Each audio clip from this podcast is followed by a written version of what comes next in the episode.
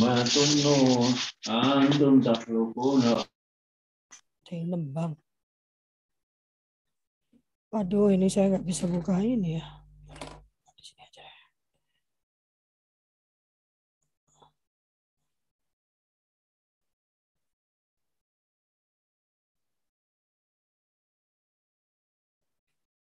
Kak boleh cek eh, apa awasi YouTube-nya ya.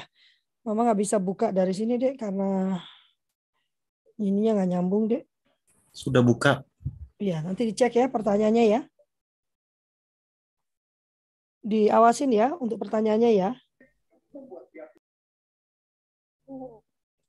Oh, kenal Vivit Sambas nggak sih?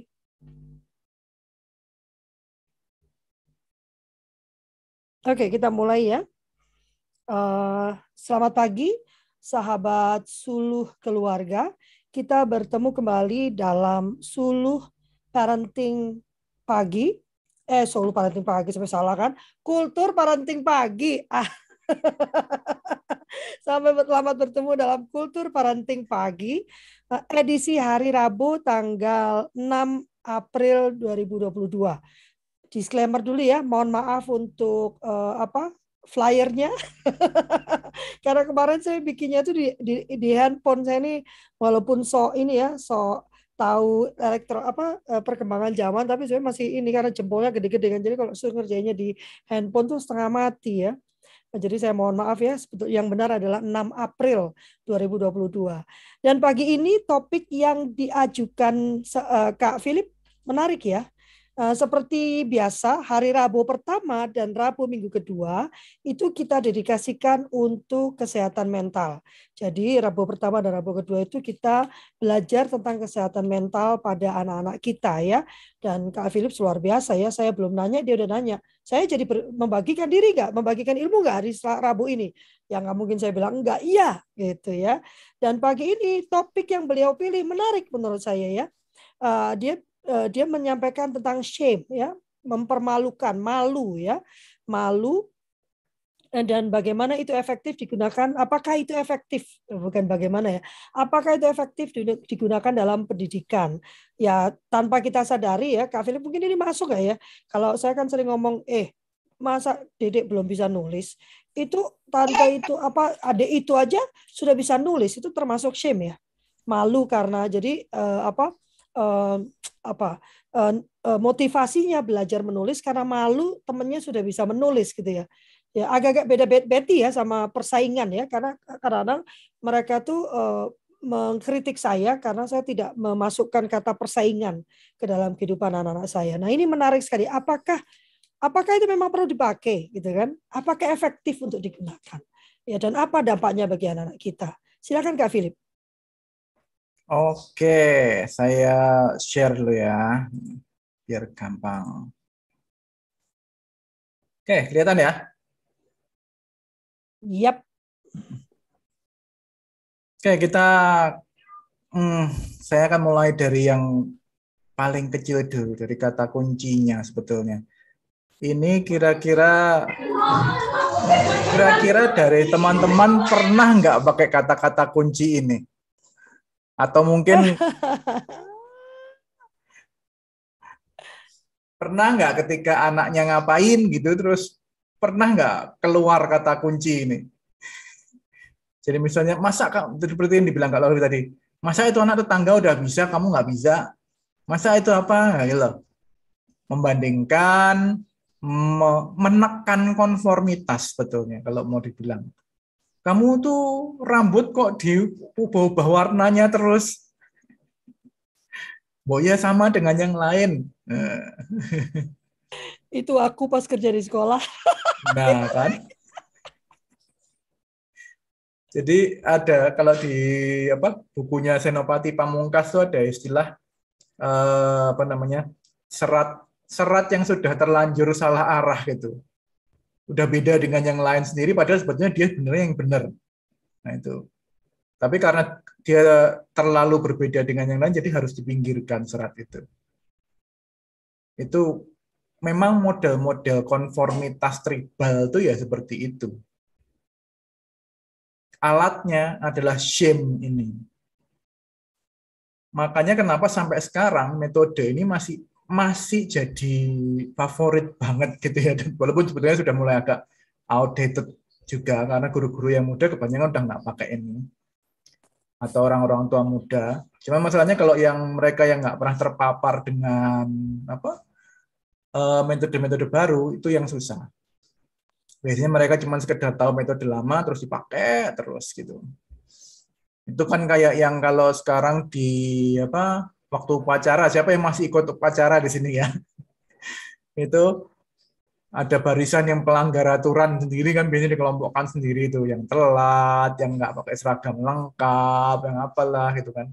Itu versi yang lebih ekstrimnya kan yang model yang pelanggar di arah keliling desa segala macam itu ya itu yang tribal banget memang Mas Yan.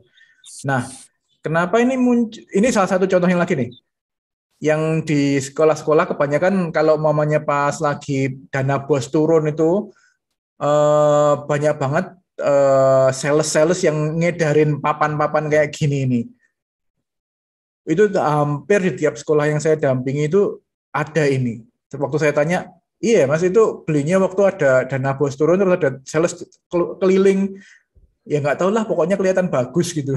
Padahal sebetulnya kalau dari segi NLP ya ini tuh udah salah banget ya karena semuanya contoh negatif. Nggak ada satupun yang contoh positifnya. Gitu. Padahal metode bekerja otak kan nggak gitu gitu. Yang dilihat itu yang model positifnya. Kalau lihat malu karena datang terlambat, ya fokusnya di datang terlambatnya itu terus malu melihat rekan sibuk melakukan aktivitas positif, malu melakukan melanggar, karena melanggar peraturan, ya udah melanggar peraturannya itu yang jadi jadi bergema terus dalam pikiran. Cuman yang Apalagi nomor lucu ya Kak Philip ya, malu nah? karena melihat rekan sibuk melakukan aktivitas positif. Nah ya itu sudah. jadi seakan-akan eh, kalau kamu nggak sama dengan yang lain, apa pun kamu, kamu salah gitu loh itu tadi rambut contohnya. Walaupun kontribusi dalam dalam kelompoknya mungkin besar tapi kalau nggak sama dengan yang lain oh udah tendang. Itu dari mana sih asalnya? Ini dari model tribal ini.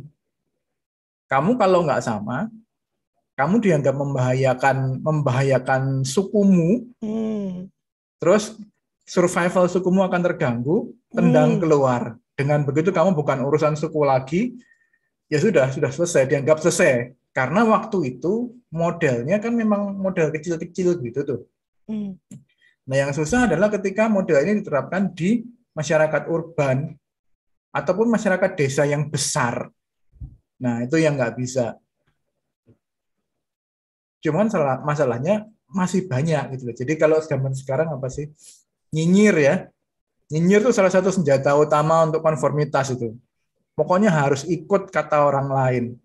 Harus kata ikut kata apa? Kata sekitar gitu ya. Nah, ini yang warisan zaman dulu dan mungkin masih efektif atau juga banyak justru terbalik, malah jadi nggak efektif sama sekali. Nah, poinnya adalah ini rasa malu ini dipakai untuk alat penekan konformitas dulunya sangat berguna untuk survival masyarakat tribal kecil, tapi sekarang malah jadi beban masyarakat dalam skala besar. Itu masalahnya. Nah, itu. Terus gimana alternatifnya apa dari dari rasa malu itu? Yang paling gampang ya keteladanan, yaitu nilai dilihat bukan diajarkan. Saya coba share satu video ya. Ini eh, apa namanya? Sebetulnya satu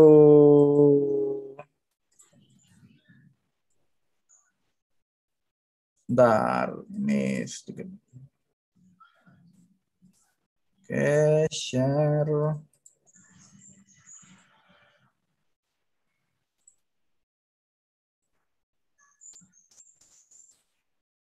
Ini bisa kelihatan kah? Ini. Oke. Sorry, suaranya kedengaran nggak, Kak Lovely?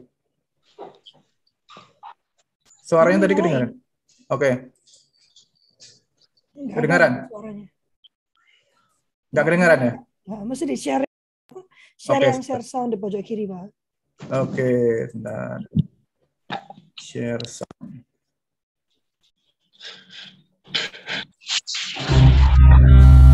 Dengaran? Helping the kids out of their coats, the way the babies haven't been born. Oh, unpacking the bags and setting up, and planted lilacs and buttercups. Oh, but in the meantime, I got it hard. Second floor living without a yard. It may be years until the day my dreams will match up with my pay.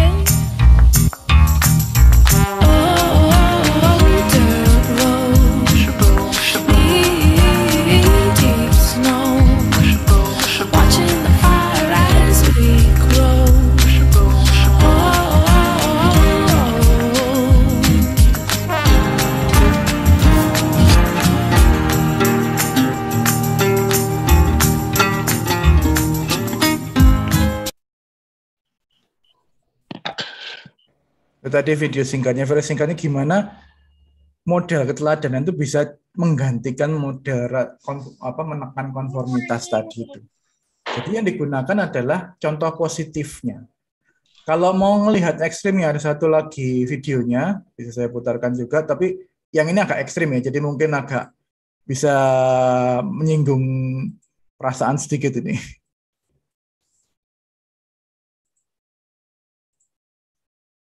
Bentar.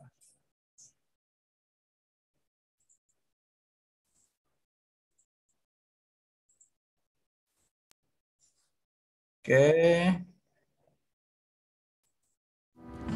It looks like rain again today.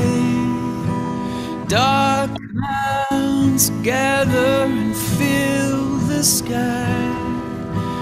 Don't know how to talk to you, just know how to say goodbye.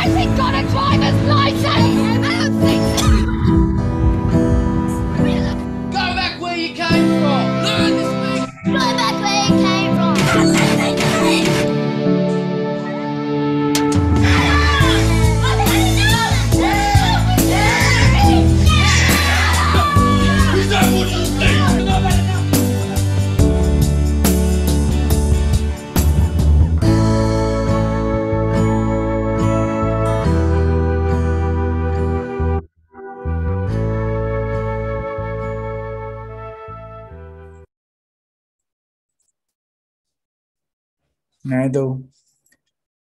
Jadi memang kalau mau mengguna mau memberikan satu standar nilai tertentu, memang harus ada contoh positifnya. Percuma kalau versinya mau dinyinyirin seberapa pun jarang sekali bisa efektif. Contoh konkretnya ketika saya kebetulan waktu itu ikut Latsitarda ya.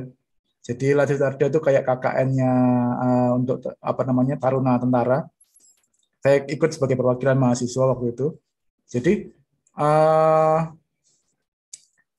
anak perbedaannya antara waktu itu antara anak taruna dengan eh, mahasiswa setelah sebulan itu adalah kalau yang taruna-taruna itu kan rapi, rambut cepak segala macam gitu ya waktu berangkatnya. Mahasiswanya pada gondrong-gondrong, kelakuannya ya kayak gitulah. Tapi pada akhir bulan akhirnya sama aja. Malah justru yang lebih rapi dan lebih lebih tetap sama dengan sebelumnya itu adalah yang mahasiswa. Karena apa? Mereka sudah terbiasa untuk menata hidupnya sendiri. Sementara yang taruna itu tergantung pada tekanan luar. Itu. Mereka karena mereka berada di luar lingkungan akademinya, udah deh lepas sendiri rata-rata liar gitu jadinya. Itu yang tadinya mamanya di dalam akademi nggak boleh ngerokok pada ngerokok semua. Yang tadinya nggak boleh rambut gondrong langsung gondrong semua. Nggak ada yang ngawasin soalnya gitu loh. Bergantung disiplinnya bergantung pada tekanan luar. Pada eh, apa namanya tekanan yang me- men- menuju ke konformitas tadi itu. Sementara yang mahasiswa memang mereka terbiasa ngatur hidupnya sendiri. Itu bedanya Jadi itu konkretnya. Apakah memang efektif mempermalukan itu? Jawabannya ya sejauh ini enggak gitu loh. Mungkin untuk satu lingkungan yang tetap sama. Jadi kalau dalam konteks tribal, kembali ke konteks tribal tadi, itu ya apa ya?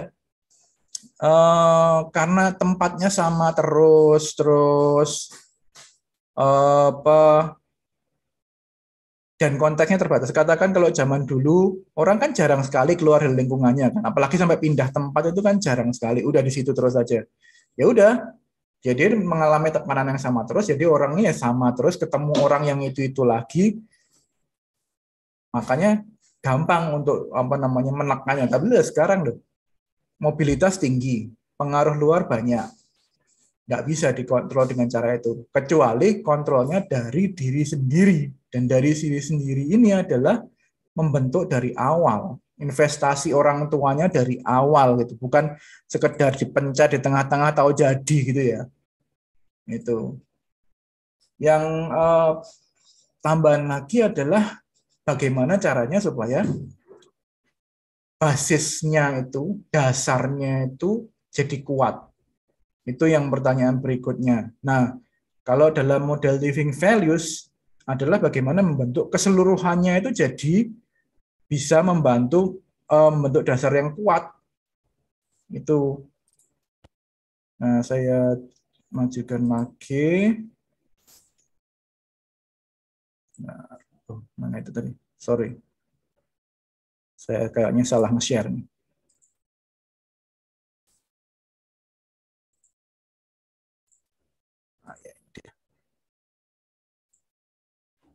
Oke. Jadi kalau dalam living versi itu persoalannya adalah bagaimana membentuk lingkungan yang punya nilai tersebut. Katakan yang disepakati adalah lingkungan, katakan ini misalnya keluarga ya. Terus yang disepakati bersama adalah nilainya damai, menghargai, jujur, gitu katakan. Terus gimana caranya? Caranya adalah dengan memenuhi lima kebutuhan dasarnya yaitu dikasih, dihargai, bernilai, dipahami, dan aman. Lima itu. Teknisnya bagaimana? Mulai dari infrastrukturnya dulu. Apakah lingkungannya cukup memadai untuk kita ngomong tentang eh, nilai-nilai uh, ini tadi, tentang memperlihatkan lingkungannya tadi. Seperti tadi ya, uh, orang tua memberi contoh tentang cuci piring setelah makan apakah eh, apakah di situ ada cukup banyak orang dewasa yang memberikan contoh yang sama? Gitu. Apakah ketika cuci piring itu menjadi suatu nilai bersama, katakanlah hal yang mau ditackle bersama gitu ya. Apakah ada cukup contoh di sana untuk memperlihatkan bahwa ini sesuatu yang perlu kita lakukan bersama gitu. Nah, itu satu. Terus juga bagaimana caranya ketika dia mencuci piring itu dihargai. Mungkin simpel aja, senyuman ketika ketika orang tuanya di melihat anaknya membantu bersama, mau mau ikut serta dalam kegiatan keluarga gitu. Simple kok. Uh, positif behavior reinforcement itu sedikit tapi perlu dilakukan konstan. Jadi ketika anak anak melakukan hal yang positif, itu yang diperkuat. Bukan ketika anak berlaku negatif terus langsung dipencet. Gimana cara ngomongnya? Ditekan supaya melakukan hal yang seharusnya. Nah, itu.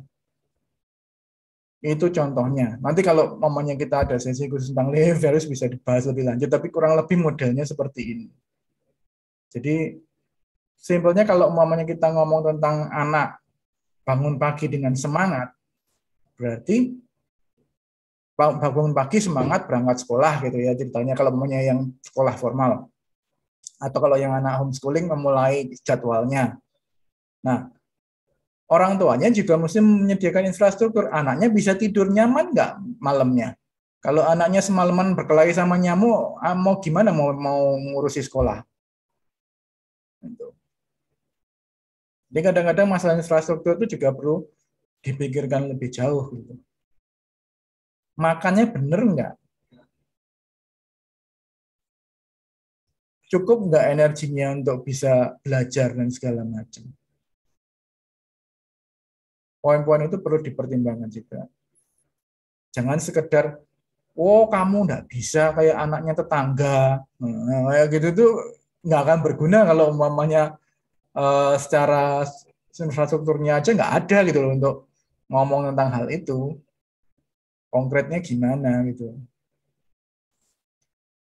Nah, beberapa kata kunci yang bisa dipakai dalam proses untuk transisinya dari model yang model berdasarkan malu, hukuman segala macam tadi ke model yang lebih ke berdasarkan support, berdasarkan rasa cinta ya.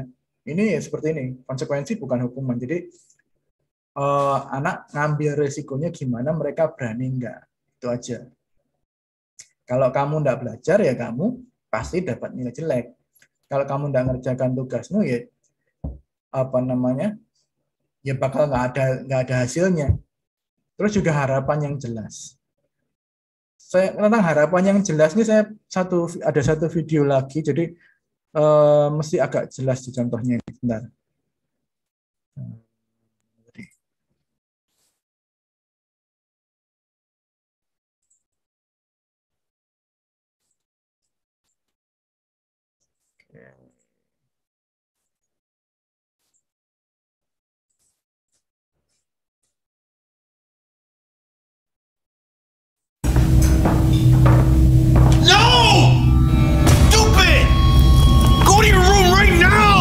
What are you teaching your child? No! Dying stupid. Children see, children learn.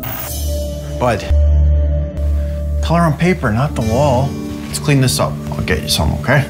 Your actions become their actions. Here, draw on your own paper. Learn to guide your child in a positive way at childrenseechildrenlearn.ca. Itu salah satunya. Jadi ketika ngomong dengan anak, harapannya mesti jelas. Bukan ngomong dia bodoh atau apa, tapi kita caranya nggak gini. Caranya harusnya begini. Oke, kita lakukan sama-sama. Nah, itu loh. Contoh yang sederhananya seperti itu. Gitu. Nah, gimana Kak Lovely? Apakah ini kira-kira memperjelas atau malah bikin tambah ruwet?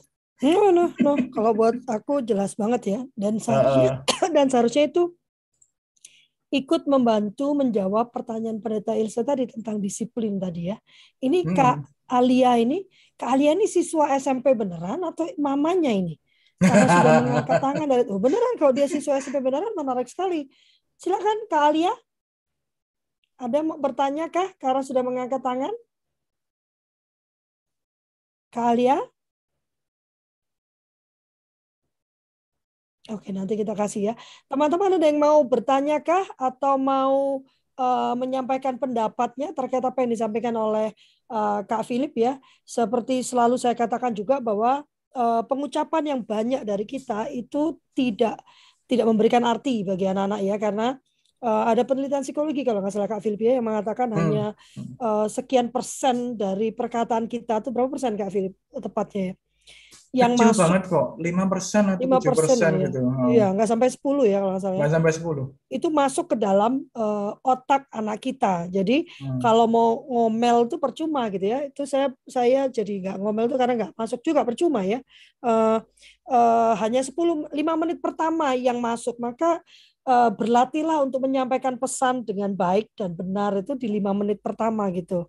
Eh, bukan di bukan di apa bukan eh, dalam sete- setengah jam gitu ya. Eh, dan yang sangat penting dilihat oleh anak-anak itu adalah perilaku kita gitu ya. Perilaku kita baik yang kita sadari maupun yang tidak kita sadari. Makanya saya tuh sangat beranggapan bahwa parenting itu masuk dalam pasal 1 Undang-Undang Sisdiknas Kak Philip ya. Parenting itu usaha sadar dan terencana gitu kan. Jadi bukan karena Bagian terencananya itu yang sedikit Nah, nggak dan usaha sadar ya, sekarang. usaha sadar kan Heeh. gitu kan sehingga kita tahu semua tindakan kita itu harus dilakukan secara sadar seluruhnya ya. Karena kita sedang melakukan pendidikan ini terhadap anak-anak kita di rumah. Loh saya kan nggak homeschooling ya. Pendidikan itu kan nggak hanya bicara tentang uh, akademi kecerdasan saja ya. Dan, uh, dari enam tujuan pendidikan yang ada di Sisiknas itu uh, kecerdasan ya kemandirian bertakwa kepada Tuhan empati ya. Dan enam ya keterampilan. Uh, yang satu apa ya itu uh, hanya kecerdasan. Uh, kecerdasan pun tidak sepeluruhnya ya Kak Philip ya. Kecerdasan tuh yang akad, kecerdasan akademiknya biasanya dilakukan di sekolah. Tapi uh, lima yang lainnya, lima lainnya itu harus dimulai dari rumah. Karakter ya.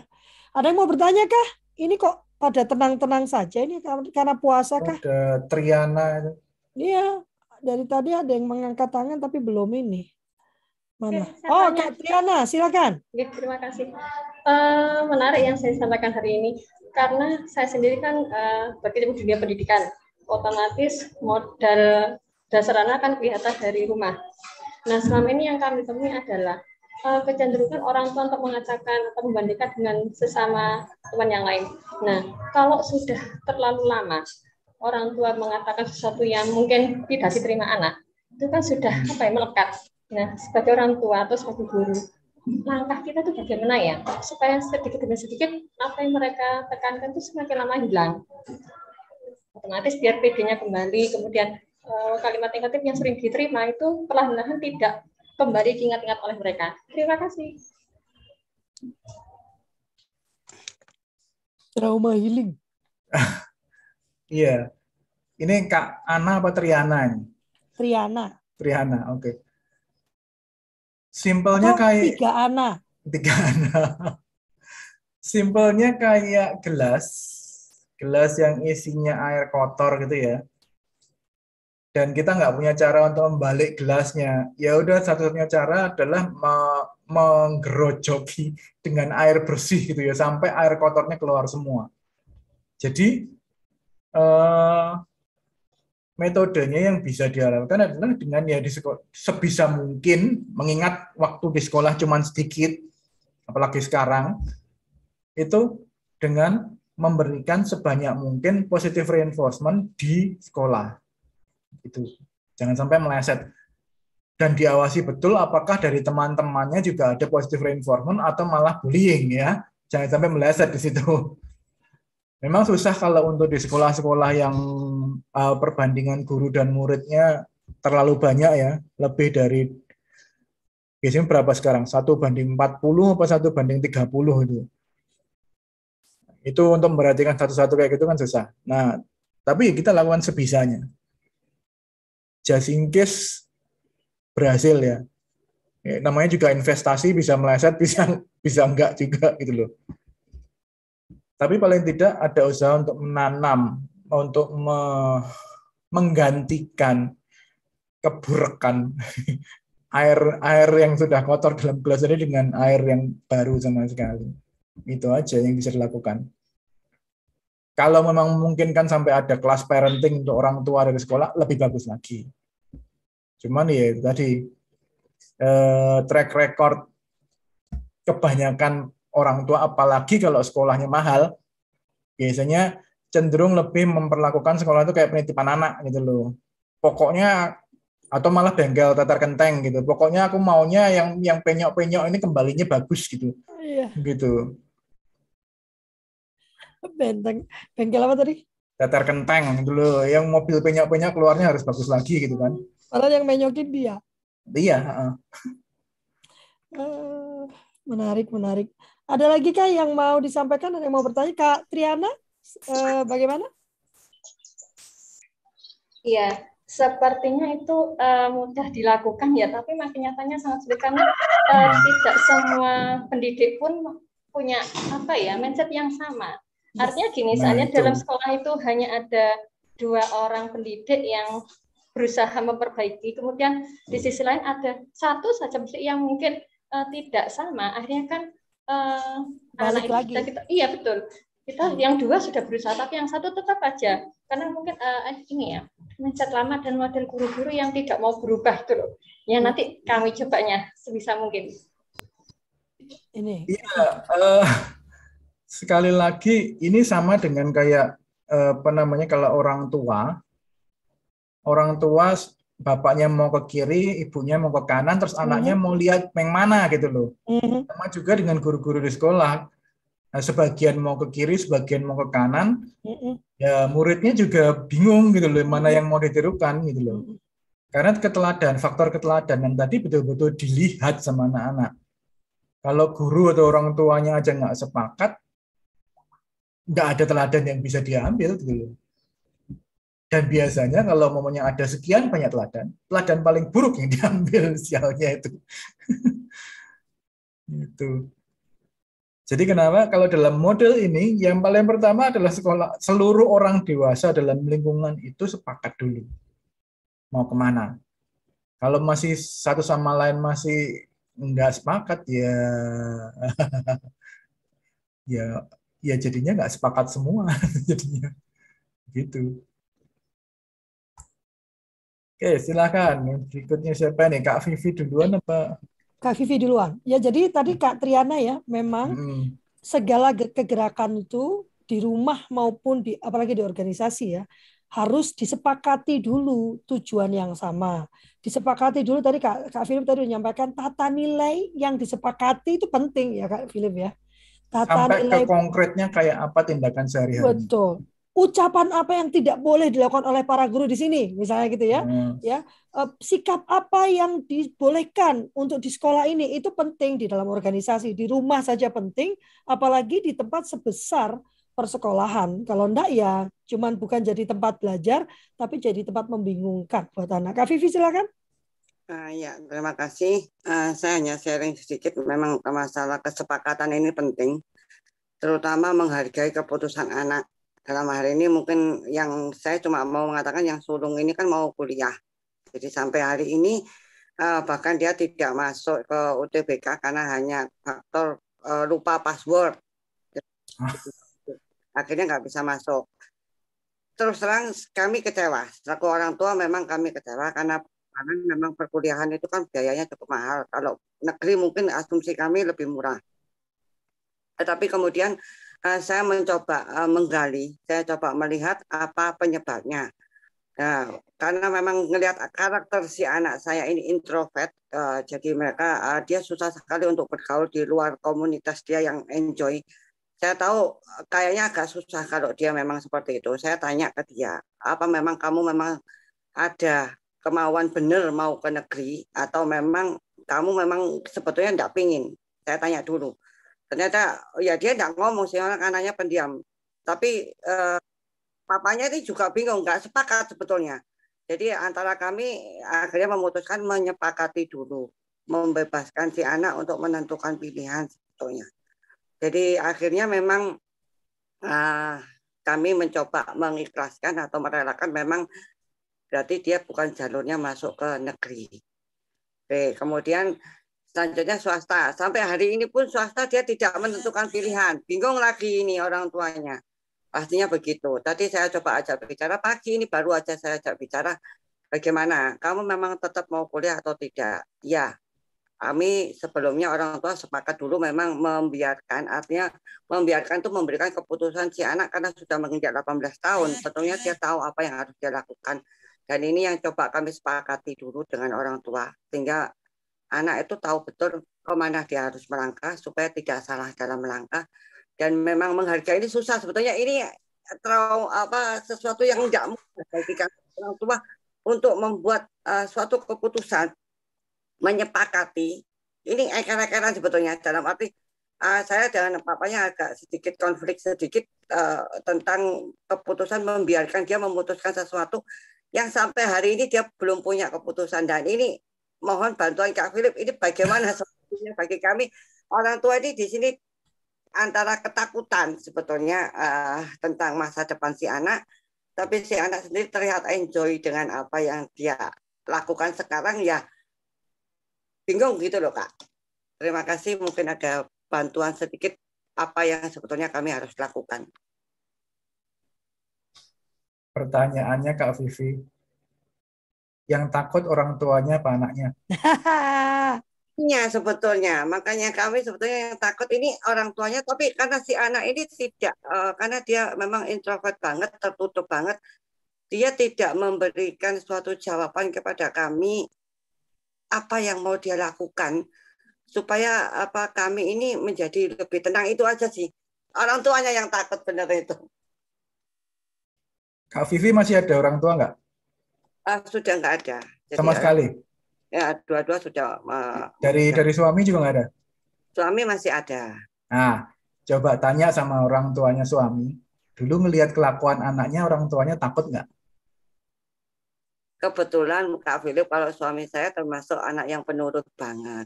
Oh gitu. Ya, dia eh, mengikuti banget apa yang dikatakan orang tua. Oke, sampai hari Hmm. Termasuk dalam kategori dari empat orang anak itu di orang tua suami eh, itu, eh, keluarga suami saya. Dia termasuk anak yang paling dibanggakan karena dia paling penurut.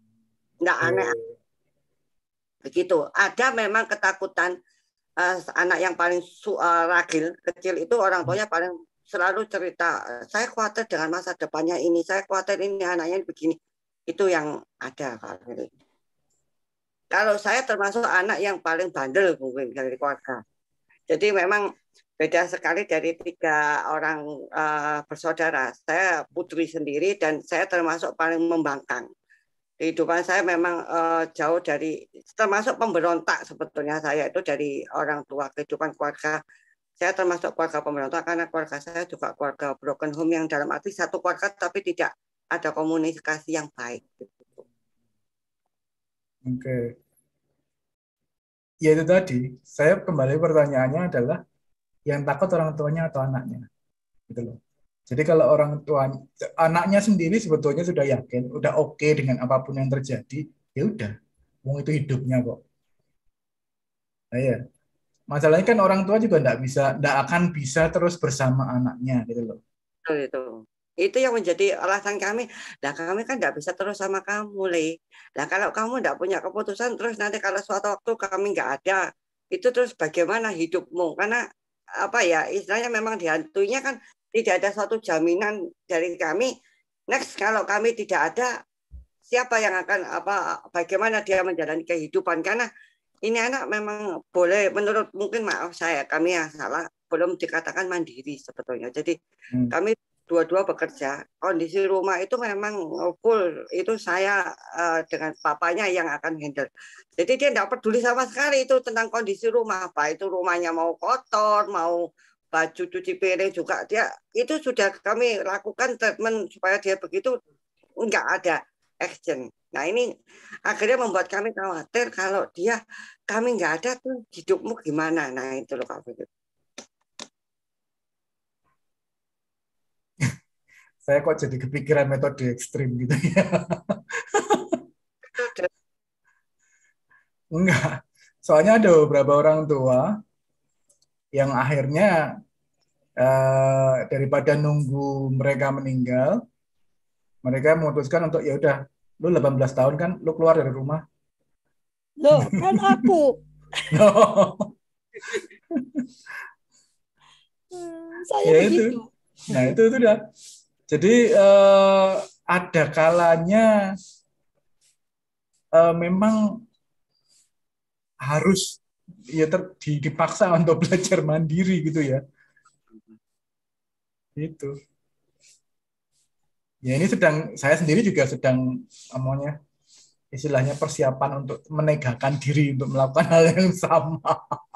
sama kamu ini berarti saya juga prinsipnya kemarin tadi juga saya ngomong kalau kamu memang seperti itu berarti Nes kalau kamu kuliah dia naik motor aja nggak bisa loh kamu ini Oh gitu.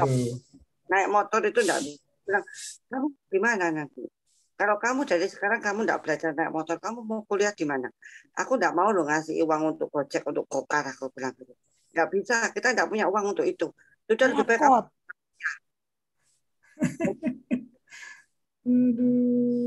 aku Ada nggak beberapa tips sih Kak Vivi ya yang saya lakukan dulu ya sama anak-anak ya. Eh, karena kan eh, Raka itu sudah tinggal sendiri sejak umur 18 ya. Hidup sendiri itu dalam artian dia mencari uang sendiri ya. Saya tidak membiayai hidup sendirinya dia. Enak aja hidup sendiri dibiayai. Happy banget ya. Uh, kalau Deli ini tertunda karena urusan pandemi ini ya. Jadi Kak Deli ini ada masih tetap dengan saya karena urusan pandemi dan karena pandemi juga urusan keuangan dia jadi kacau balau kan. Eh, sementara Deli masih um, meng, apa, merintis, merintis posisinya, lalu pandemi datang gitu ya. Uh, saya memutuskan untuk menunda dia keluar dari rumah daripada nanti macam ada apa-apa ya. Cuman yang nomor satu memang semua apa semua ini kita tuh dikerjakan dari rumah. Artinya kebiasaan tentang membersihkan rumah segala macam. Yang paling gampang itu jangan dikerjakan gitu. Jadi kalau anak-anak itu udah biasa misalnya ya, kalau tidak cuci piring ya sampai besok saya nggak akan cuci piring karena itu sudah disepakati tugas raka misalnya. Maka sampai besok saya nggak akan cuci piring atau saya cuci piring saya sendiri. Gitu. Dampaknya nggak bisa masak, nggak bisa makan gitu ya. Ya saya akan beli makan untuk saya sendiri gitu. Nanti mereka loh, kok mama? Ya Orang mama kan nggak bisa masak karena peralatan masaknya tidak kamu cuci, ya. Nah, berarti kan kalian yang salah. Kenapa mama harus menanggung urusan kalian ya? Mama makan sendiri gitu ya. Lapar laparlah kalian gitu ya. Uh, saat itu yang satu ya. Saya juga kalau sudah dipakati bahwa membersihkan kamar mandi kalau kami tinggal di rumah yang kamar mandinya satu, itu adalah tugas anak-anak, maka saya tidak akan pernah membersihkan. Saya pernah diprotes sama uh, kekasih saya dulu ya. Kenapa kamar mandi kotor? Jorok banget gitu. Saya bilang karena I, I want to prove a point gitu ya kalau kau tidak kerjakan, ya tidak akan dikerjakan gitu. Tidak ada orang yang akan menggantikan pekerjaan kamu gitu ya. Dan biasanya saya bilang, oh jadi ini nunggu sampai karena saya ini tukang jatuh ya. Saya ini gampang sekali jatuh karena ADHD-nya mungkin kali ya. Jadi saya ini mudah sekali jatuh. Nah, sehingga anak-anak itu selalu khawatir kalau saya jatuh gitu kan. Dan saya bilang, oh berarti ini nunggu mama terpeleset dan jatuh. Oh, gitu. Baru mereka membersihkan ya gitu. Jadi uh, yang pertama itu saya waktu kecil pun gitu Kenapa saya melanggar peraturan, melanggar kewajiban, chores itu. Karena saya tahu at the end of the day, nenek saya akan melakukannya. Karena dia nggak tahan melihat piring kotor gitu ya. Nggak tahan lihat rumah kotor gitu ya. Jadi saya pun menahan diri. Jadi yang saya bersihkan kamar saya aja. Makin lama makin lama dia nggak bisa ngeliat ibunya kan. Dan mereka kan, kok mama nggak keluar-keluar? Aduh, mama nggak bisa ya rumahnya kotor kayak ini jorok gitu ya. Ya kan? Tapi mereka melihat waktu mereka kecil saya memang menjaga rumah saya bersih gitu. Jadi mereka tahu uh, memang itu standarnya gitu kan. Dan yang menarik lagi memang Raka kalau pulang Kak Philip ya Raka tuh kalau pulang tuh lazy bum banget. Males banget ya. Dia tidak akan berkontribusi untuk membersihkan. Jadi dedeknya tuh suka marah gitu ya adiknya tuh suka uh, dulu tuh pernah ya waktu dia beranjak dewasa dia balik lagi ke rumah sebelum pergi lagi pindah karena ada satu hal dia pulang ya uh, uh, Deli itu bilang memang benar kata mah uh, anak kalau udah umur 18 mah harusnya keluar dari rumah. Jadi nyebelin dia. Jadi ya kayak aku jadi pembantu dia aja nyuruh-nyuruh melulu.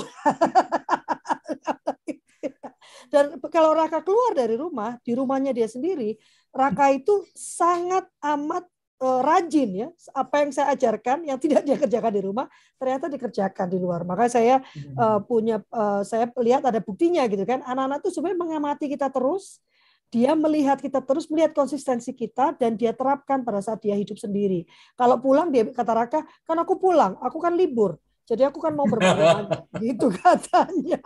Gitu ya. Yang keselanjutnya mamanya. Kan, begitu Kak Vivi ya, mungkin bisa jadi tips ya. Karena memang di rumah saya begitu eh, Kak Philips 18 19 tahun kamu harus keluar dan mandiri bukan keluar dibayarin enak aja. Mamanya mau senang-senang. Itu Kak Vivi.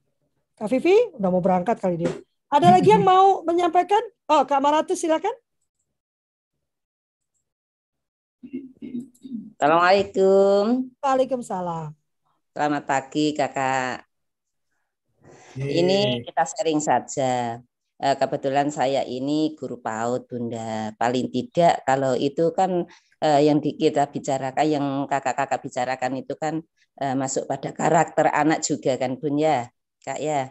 Nah, paling tidak kita para guru ini sharing punya karena tidak semua guru di lembaga itu paling tidak Eh, contoh yang kecil lah yang kita berikan kepada anak-anak terutama contoh yang kecil itu buang sampah pada pada tempatnya itu ya hmm. kalau anak-anak sudah kita kasih pembiasaan seperti itu tapi kadang ada anak yang tidak sengaja atau sengaja buang sampah pada uh, sembarangan nah paling tidak guru kita itu kan memberikan contoh itu memberikan contoh kalau ada sampah eh, tidak di tempatnya, otomatis paling tidak guru itu harus eh, peka. Nah, peka terhadap lingkungan. Paling tidak sampah kita ambil, kita tunjukkan pada anak, loh ini ada sampah.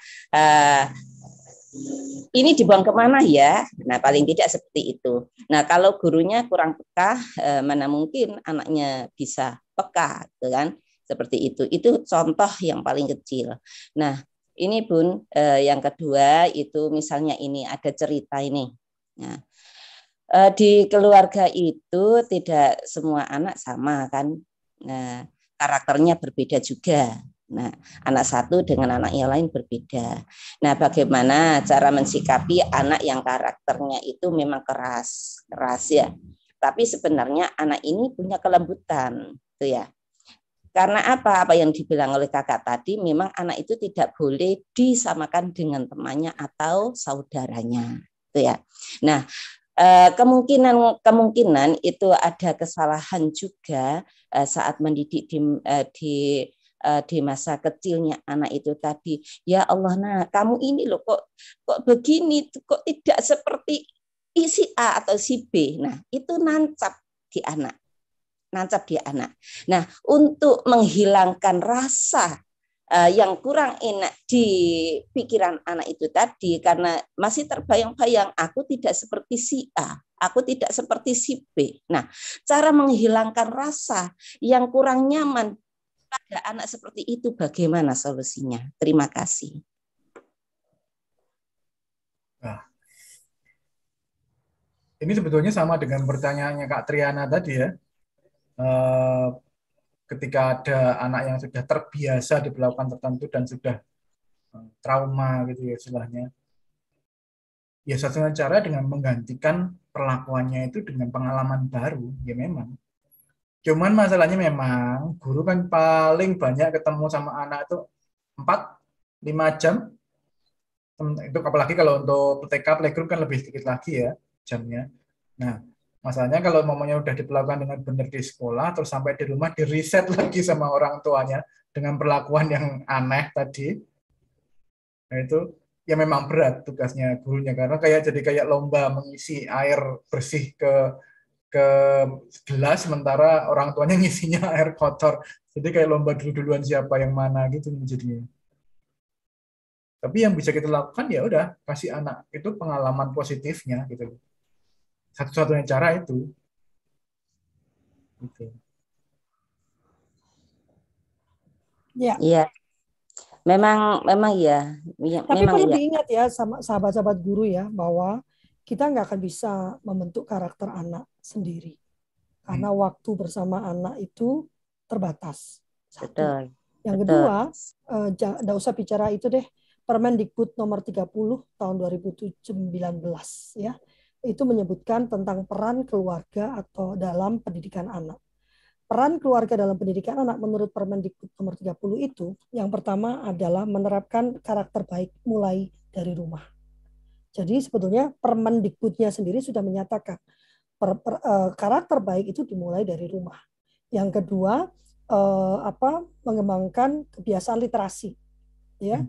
literasi itu dimulai dari rumah gitu ya, bukan dari sekolah.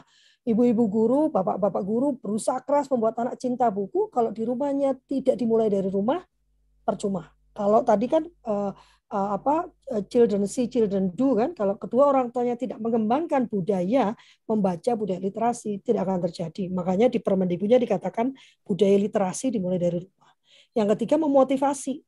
Jadi nggak benar orang tua itu terus marah-marah anak saya jadi males gitu. Itu dari rumah memotivasi anak itu tugas orang tua menurut Permendikbud itu yang keempat memberikan sarana prasarana jadi ada empat tugas orang tua ya yang di dalam Permendikbud itu satu eh, karakter baik dari rumah, yang kedua eh, literasi, yang ketiga motivasi, yang keempat sarana prasarana. Itu hebat. Jadi, hebat. Kalau orang itu seperti itu memang luar biasa hasilnya. Tapi kadang-kadang yang nomor dua literasi itu wali muridnya itu literasinya sama HPW aja. Nah, iya itu makanya sebetulnya tugas sekolah itu ada tiga tugas sekolah itu ada tiga. Ini yang sekolah itu sekarang hanya dua tugasnya. Ya, dia itu ada tiga pihak yang perlu dia didik. Jadi sekolah itu mendidiknya itu ada tiga pihak yang harus dia didik. Satu mendidik anak didiknya, itu udah pasti ya. Yang kedua mendidik orang tuanya. Nah, ini ini aja masih lupa ya. Eh, Sekolah itu bukan mendidik orang tua. Sekolah itu manut apa kata orang tua. Sementara yang paham pedagogik, paham eh, tumbuh kembang, paham pendidikan itu sekolah, tapi sekolah di drill oleh orang tua dengan cara ketakutan tidak dapat murid. Yang kedua, ya, yang kedua itu orang tua. Yang ketiga sebetulnya sekolah punya kewajiban untuk mendidik masyarakat. Ya, jadi nggak cuma anak didik pikiran kita tuh, kita itu harus mendidik orang tua. Ini jelas karena orang tua nggak kita ubah paradigma berpikirnya, kita kayak mendal, kayak main bola ya Kak Philip ya. Dilempar, mendal lagi. Nggak terjadi jadi itu. Maju satu langkah, mundur 10 langkah. Maju lagi satu langkah, mundur lima langkah. Maju lagi satu langkah. Yang paling kelihatan tuh kalau ngurusin anak berkebutuhan khusus Kak Philip ya. Oh iya, berat sangat ya. itu. Iya kan? Kalau intinya gampang, jangan kasih gula gitu kan. Kita diet gula karena perilakunya. Sabtu, Minggu, Senin kacau semua karena Sabtu Minggu kasihan Kak dia pengen lihat donat. Habis ah, teman-teman Kakak itu kan kita ke rumah neneknya ada cake kasihan Kak gitu. Jadi hari Senin mundur semua. Apa yang sudah dibentuk di satu minggu hilang semua. Itu paling kelihatan tuh. Itulah yang saya membuat saya sadar bahwa ternyata orang tua itu harus diubahkan. Kalau enggak, kita kayak ini aja maju satu langkah, mundur 10 langkah. Yang akhirnya dan saya nggak menyalahkan guru, akhirnya bilang ah bodo amat lah. Yang penting eh, targetnya saya sudah selesaikan perkara dia ngerti nggak ngerti itu udah bukan urusan saya. Capek, maju mundur lagi, maju dikit mundur lagi. Ini nggak Bu Baratus? Capek banget kan? Ya kan udah diajari balik lagi. Eh, ya sudahlah bodoh amat. Pokoknya saya kerjakan tugas saya, gitu kan? Gitu. Ayo Bu Maratus, semangat. Iya, iya. Kalau Fli, eh, alhamdulillah di lembaga kami ini karena mensikapi hal yang demikian itu, kami punya Hmm. program kalau Fli ya. Hmm. Program itu tidak hanya anak, tapi untuk wali muridnya juga. Jadi setiap satu minggu sekali wali muridnya itu kita jadwal mengikuti kegiatan yang ada di lembaga. Hmm. Di pagi harinya itu pembiasaan membantu bubun untuk menyirami tanaman, bersih-bersih dan lain sebagainya yang mana anak itu langsung tahu kalau ibunya eh, seperti itu. Kemudian eh, kalau sudah jam 7.30 sampai jam 8 itu menyiapkan menunya anak.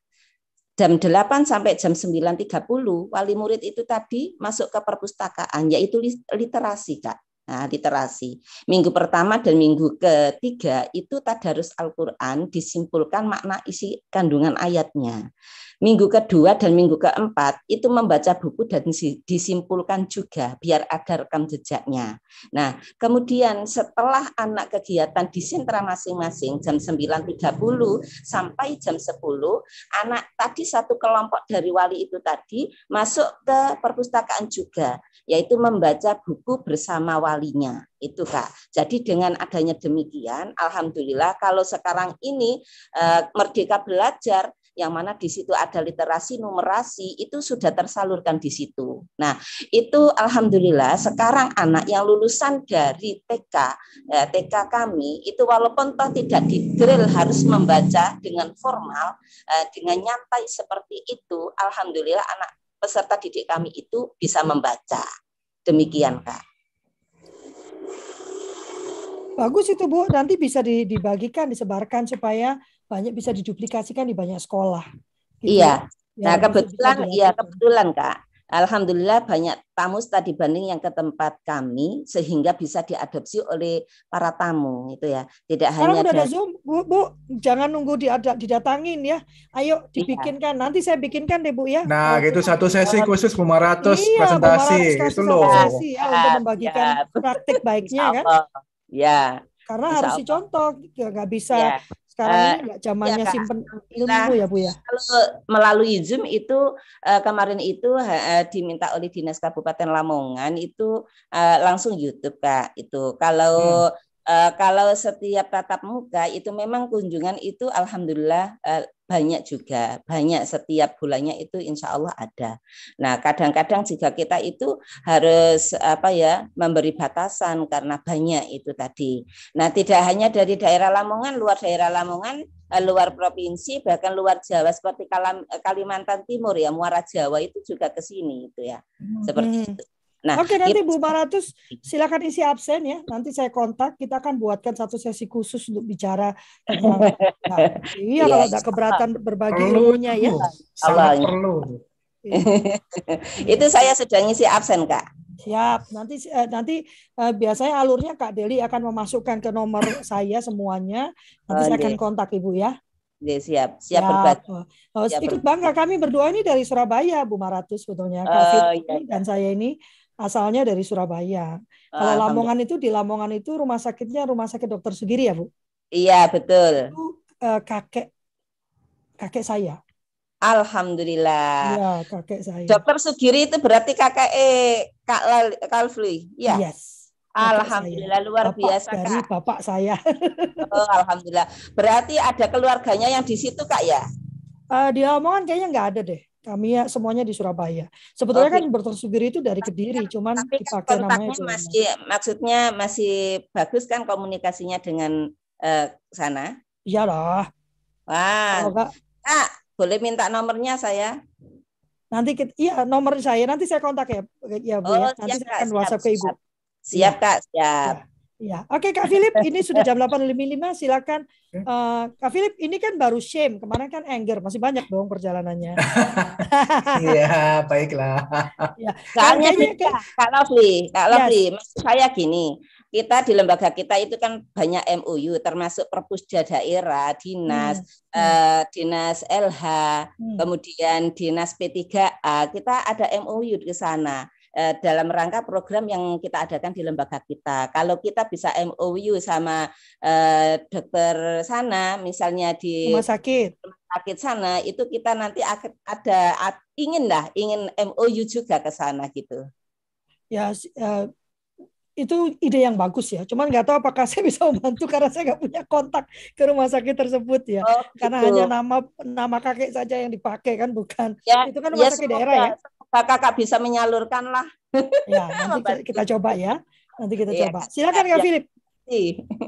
Nah, Oke, ya tadi ya kita udah lihat gimana kalau menggunakan shame dalam sistem pendidikan itu, terus eh, efeknya gimana. Ternyata kalau kita lihat yang jelas bahwa lebih banyak mudaratnya daripada manfaatnya ya, karena menimbulkan trauma-trauma yang lebih urusannya lu- ruwet lagi nanti gitu loh. Lebih baik menggunakan metode-metode yang lebih positif. Nah, itu tadi. Caranya gimana? Salah satunya dengan teladan, dengan children see, children do. Itu.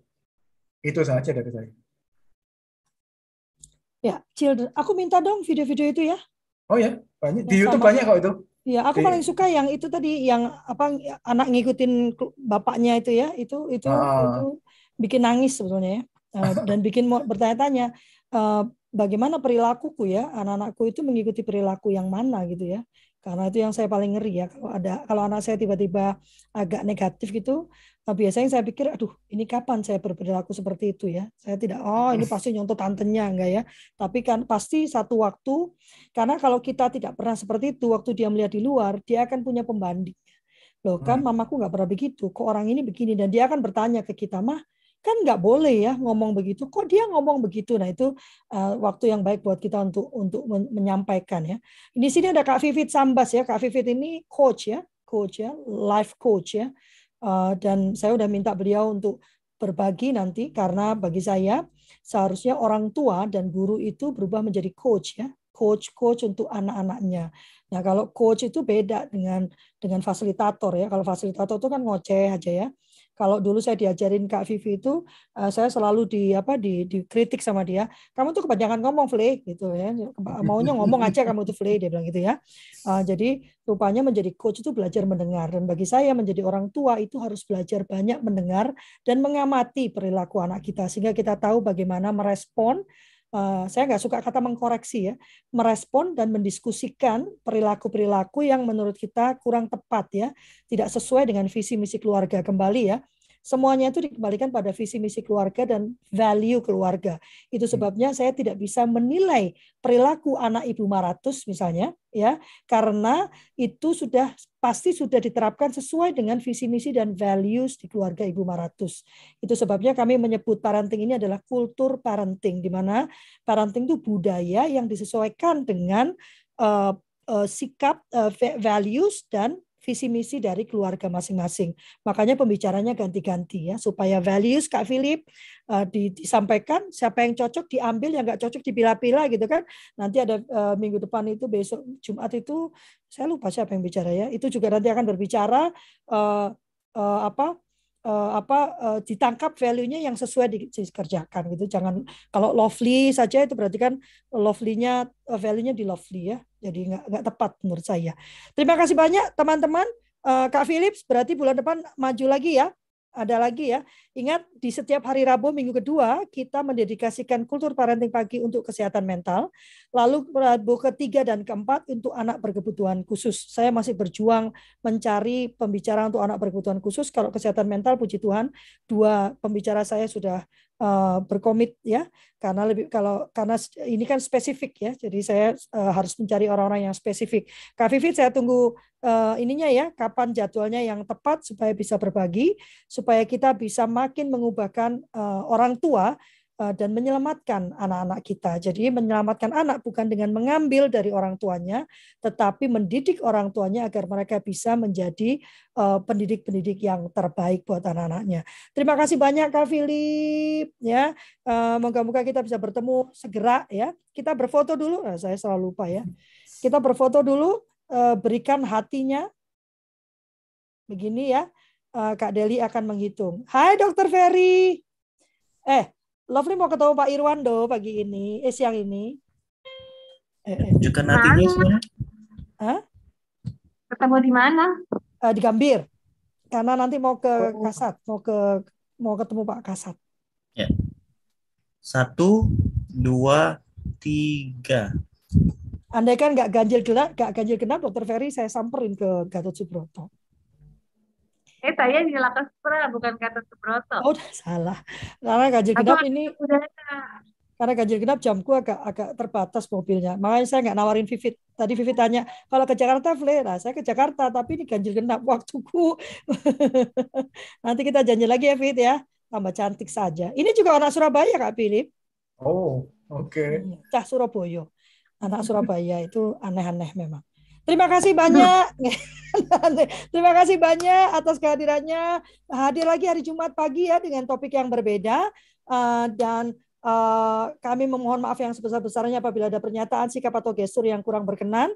Kami tidak ingin menghakimi, tidak ingin menyudutkan, tidak ingin uh, merendahkan, tidak ingin menggurui. Bahkan kami hanya ingin membagikan apa yang kami yakini dan yang pasti saya tahu Pak Kafir melakukan ini yang kami kerjakan dalam kehidupan kami sehari-hari. Terima kasih banyak. Selamat berpuasa. Wassalamualaikum warahmatullahi wabarakatuh. Tuhan memberkati. Oh, terima kasih ilmunya Kak Lovi. Ya, bergabung lagi ya Kak Maratus ya hari Jumat ya. Allah, ya. Kalau ada kesempatan insya Allah ya. siap. Kami ada YouTube juga Kak Maratus ya. Jadi kami oh. live di YouTube juga. Jadi ya, ya, ya, insya Allah. Ya. ya. Ya, terima kasih Kak Philip. Dokter Ferry. Makasih juga. Iya, nanti kapan-kapan kita atur waktu ketemu ya, ngobrol ya. Oke. Okay susah ya su berapa sibuk ya dokter eh, kita atur lah. Saya, saya terima pamit kasih, dulu ya. Lovely. Terima kasih Kak Philip. Semuanya salam. Kak Vivit. Eh, jangan lupa ya, aku minta waktumu ya, berbagi ya. Oke, okay, thank you. Izin live ya. Ya.